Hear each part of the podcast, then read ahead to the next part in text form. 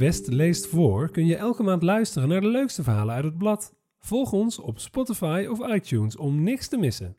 Dit is: kan deepfake technologie ervoor zorgen dat we niks meer geloven? Een filmpje waarin je Barbie Girl van Aqua zingt. Met apps als Wombo of Reface plak je binnen een paar seconden jouw gezicht in een video. Handige types gaan iets verder en kunnen Donald Trump in een science fiction film laten meespelen. Of acteur Tom Cruise gek laten doen op TikTok. Achter zulke filmpjes zit deepfake technologie. Dat is een samentrekking van deep learning en fake. Dat is vooral grappig. Maar de techniek kan je het lachen snel doen vergaan. Want wat als een boze ex of een willekeurige viezerik jouw gezicht in een pornovideo weet te knutselen? Niet alleen bekende vrouwen overkwam dit, zoals presentatrice Dionne Staks in 2019, maar ook gewone mensen. En wat als politici deepfakes gaan gebruiken om tegenstanders woorden in de mond te leggen? Tot nu toe worden deepfakes nog ontmaskerd. Maar als de techniek realistischer wordt, dan is de lol er wel snel af. Kunnen we onze ogen nog vertrouwen? Zullen deepfakes een gevaar worden? En worden we niet een beetje te wantrouwig? Mensen trappen best makkelijk in deepfakes, vertelt communicatiewetenschapper Tom Dobber. Hij doet aan de Universiteit van Amsterdam onderzoek naar deepfake als politiek middel. Hij maakte in 2019 een deepfake-video waarin Siebrand van Haarsma Buma, voormalig fractieleider van het CDA, een grapje maakte. Zoals Christus zou zeggen, pin me er niet op vast. Dobber zegt: Een braaf grapje, maar het beïnvloedde het beeld over de politicus wel negatief. Proefpersonen bekeken het filmpje en gaven punten voor de betrouwbaarheid en vriendelijkheid van de christelijke politicus. Deepfake Buma scoorde hierop bijna een halve punt lager dan de echte van Haarsma Buma, die geen grappen maakte. Bovendien, maar een klein deel van de deelnemers, 8 van de 144 om precies te zijn, ontmaskerde de deepvideo als nep, vertelt Dobber. Dat was jammer, zegt hij. De deepfake die ik gemaakt had was best oké, maar zeker niet perfect. Als je een beetje getraind bent, kan je zien dat het nep is. Waarom tuinen mensen in zo'n matig nepfilmpje? Een deepfake is krachtig, zegt Dobber. Houd je ogen en oren voor het lapje. Je ziet en je hoort Buma dat grapje maken. Het beeld hapert dan misschien een beetje, maar dat heb je wel vaker bij video's.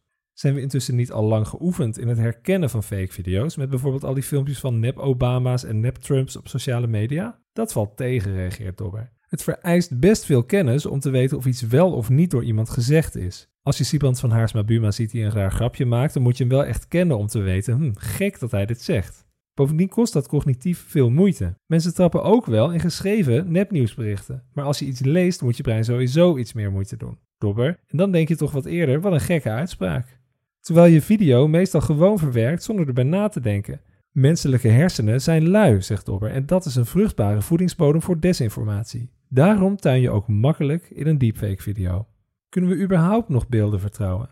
Filosoof en mediawetenschapper Elise de Mul promoveert aan de Universiteit Leiden op digitale cultuur en identiteit. Volgens sommige oude filosofen kon je je ogen beter niet geloven, zegt zij. Je had beeldverwerpers die beeld sowieso huigelachtig vonden, zoals de filosoof Plato, zo'n 400 jaar voor Christus, legt de Mul uit. Volgens hen was een beeld, kort door de bocht, per definitie een slap aftreksel van wat het moest voorstellen.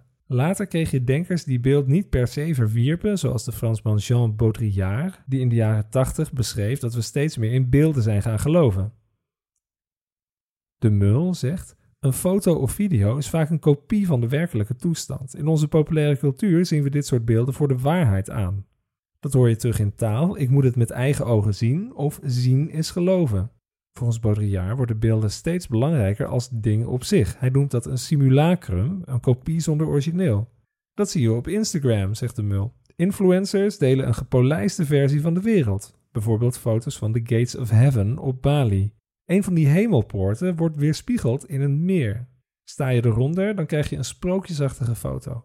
Maar die poort staat helemaal niet aan een meer, zegt de mul. Dat mooie effect krijg je alleen als je een spiegeltje onder de lens houdt. De realiteit is dus een zwakke afspiegeling van de kopie. Iedereen die de poort in het echt ziet is teleurgesteld en daarom maken ze maar weer een nepfoto. En zo gaat de kopie een eigen leven leiden.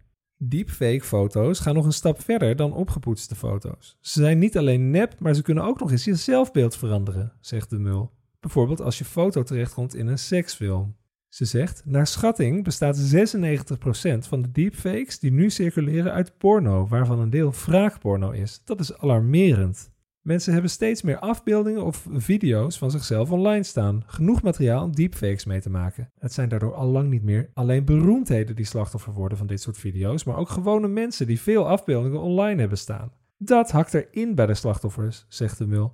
Je weet dat jij het niet bent, maar het is jouw gezicht of zelfs je lichaam in een situatie waarin je nooit bent geweest. Slachtoffers zeggen zich echt ziek te voelen als ze zichzelf terugzien in zo'n film. Het voelt als een aanrading terwijl ze met geen vinger zijn aangeraakt. En dan zijn deepfake-beelden nu nog vaak redelijk te herkennen, voor een getrainde kijker tenminste. Maar de ontwikkeling gaat wel heel hard, vertelt deepfake-onderzoeker Dobber. In 2018 en 2019 was hij een paar maanden bezig met de video van Van Haarsma Buma. Intussen heeft hij voor vervolgonderzoek een nieuwe fake-video laten maken van een politicus en wie, dat kan hij in verband met het onderzoek nog niet zeggen.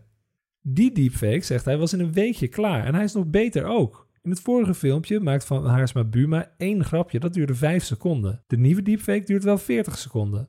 De snelle ontwikkeling is zorgwekkend, vindt hij. Nu heb je nog een computer met heel veel rekencapaciteit nodig om zo'n deepfake te maken. Over pak een beetje twee jaar kan iedereen het met een gewone computer. Volgens Amerikaanse media-experts, zoals Nina Shik en Aviv Ovadja, dreigt er, als het zo doorgaat, een infocalips waarin we niks meer kunnen geloven. Gaan we echt ten onder aan nepinformatie? Dat zal wel meevallen, denkt Dopper, tenzij er hysterie uitbreekt en mensen bij echte filmpjes denken dat zal wel deepfake zijn. Dat was recent al twee keer het geval. In april 2021 voerde Leonid Volkov, de stafchef van de Russische oppositieleider, een videogesprek met verschillende Tweede Kamerleden.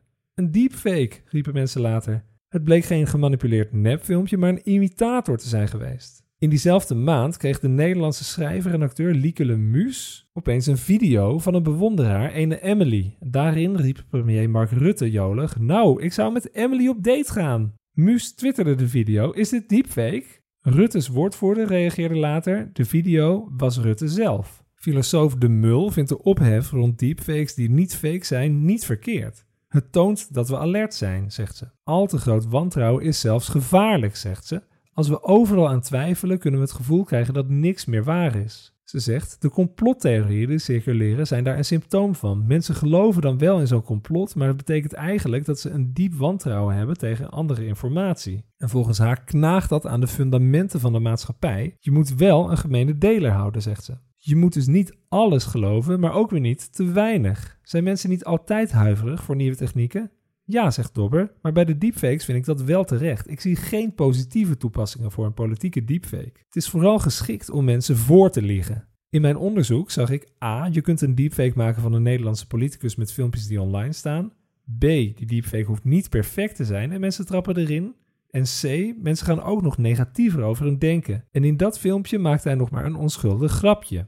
Het doemscenario is dat er rond de volgende verkiezingen een geloofwaardige deepfake van een politicus rondspookt die verwarring schept. Wat dan?